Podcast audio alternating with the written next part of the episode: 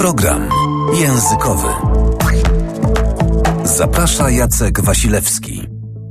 2 listopada to dzień zaduszny, czyli taki właściwe święto zmarłych, bo wczoraj było wszystkich świętych. I ten dzień zaduszny właściwie wywodzi się z takich praktyk mnichów, którzy, e, którzy modlili się za zmarłych braci, chociaż właściwie uważa się, że że samo święto ma swoje początki jeszcze wcześniej w, tych, w tej erze przedchrześcijańskiej, gdzie mm, czy Germanie, czy Słowianie organizowali takie uroczystości ku czci, mm, ku czci zmarłych i wierzono wtedy, że to jest moment, kiedy otwierają się zaświaty i kiedy te zaświaty już są otworzone, to zmarli mogą przychodzić do nas.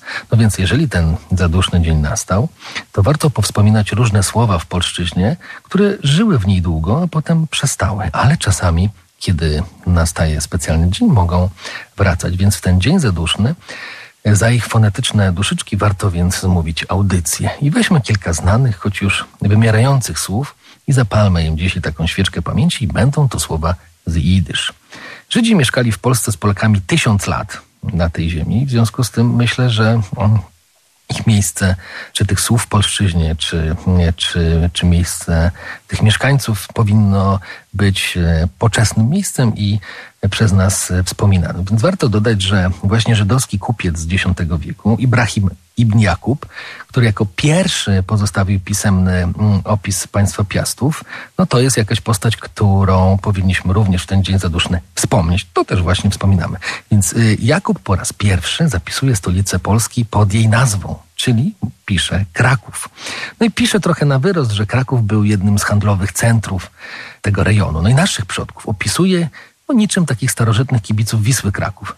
Pisze tak, na ogół biorąc, to Słowianie są skorzy do zaczepki i gwałtowności. I gdyby nie ich niezgoda wywołana mnogością rozwidleń i gałęzi i podziałów na szczepy, żaden lud nie zdołałby im sprostać w sile. To, że Ibn Jakub coś wtedy mógł napisać w ogóle, wynikało z tego, że począwszy od średniowiecza, podobnie jak też w poprzednich wiekach, tych wiekach bardziej starożytnych, nauczanie miało charakter powszechny u Żydów i to na dwóch poziomach, podstawowym i średnim. No i ten podstawowy to była po prostu izba, zwana headerem, header w której chłopcy od piątego roku życia uczyli się liter. Na szczęście nie musieli się uczyć samogłosek, mogli się uczyć tylko spółgłosek. No i ojciec dziecka, takiego pięciolatka, musiał znaleźć nauczyciela, czyli Mełameda, który w hederze, czyli w tej izbie, nauczał. Jeśli było dużo dzieci, no to Mełamed miał też często pomocnika jakiegoś, który nazywał się Belfer. I to właśnie słowo jest dziś powszechnie używane w potocznym języku na określenie nauczyciela no, nauczyciela Goja, czyli nie tego nauczyciela, który jest Żydem, tylko tego, który jest po prostu Polakiem w liceum.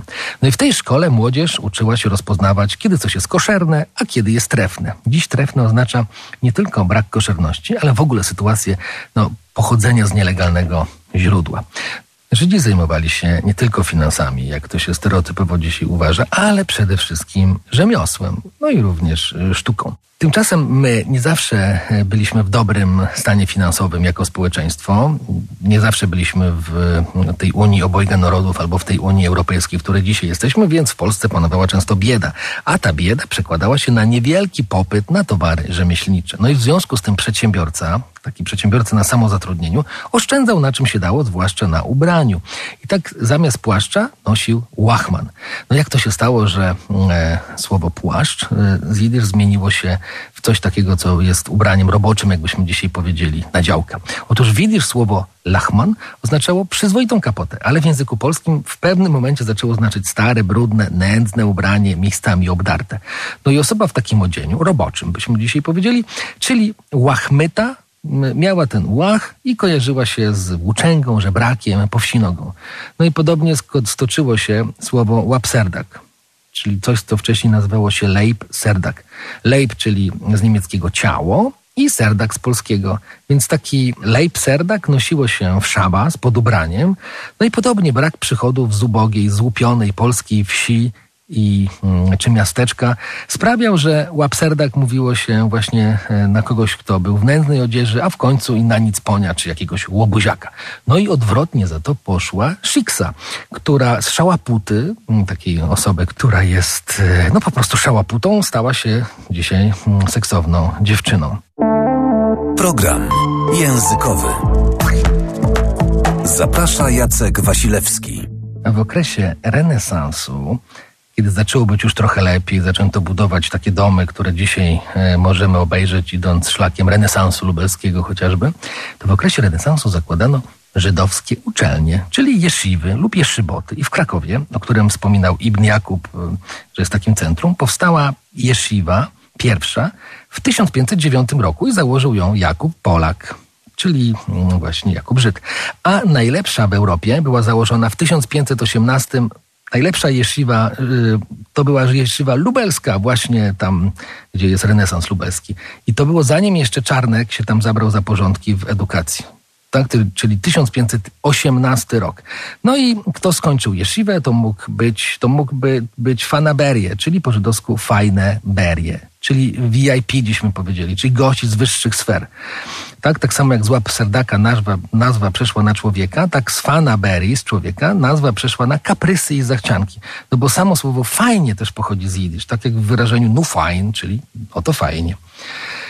I tak e, jedną z takich fanaberii, absolwentów e, krakowskiej jeszywy, mógł być bajgiel, albo chałka, albo gęsie pipki. To są właśnie, mm, i to właśnie uczący się w jeszywie mieli takie kaprysy, że po studiowaniu tory no, chałki im się zachciewało. Ci, co nie uczyli się w jeszywie, czyli w tej wyższej uczelni, a wypadli z uczciwego interesu, brali sobie jakąś ksywę, no i wtedy robili sklepy i składali towar na melinie, a potem jak gdyby nigdy nic szli na hawirę. To są oczywiście również e, słowa, które są z jidysz. Czasem jednak coś na tej melinie się działo złego i wtedy Stanisław Grzesiuk mógł e, romantycznie zaśpiewać e, tą słynną piosenkę e, o Antku. Kto znał Antka, ten czuł Mojrę, czyli strach. Tak? Nie, nie ma to nic wspólnego z, z greckimi Mojrami. Ale jeden nie czuł jej i dlatego się naraził na Dintoire, tak? czyli taki sąd złodziejski, choć wcześniej Widisz to był po prostu sąd koleżeński Dintoira. No a kiedy się naraził na Dintoire, to oczywiście skończył się z przyczyny tej. Więc tyle Grzesiuk, który e, przechował niczym w pudełku te e, starodawne słowa zaczerpnięte z jidysz.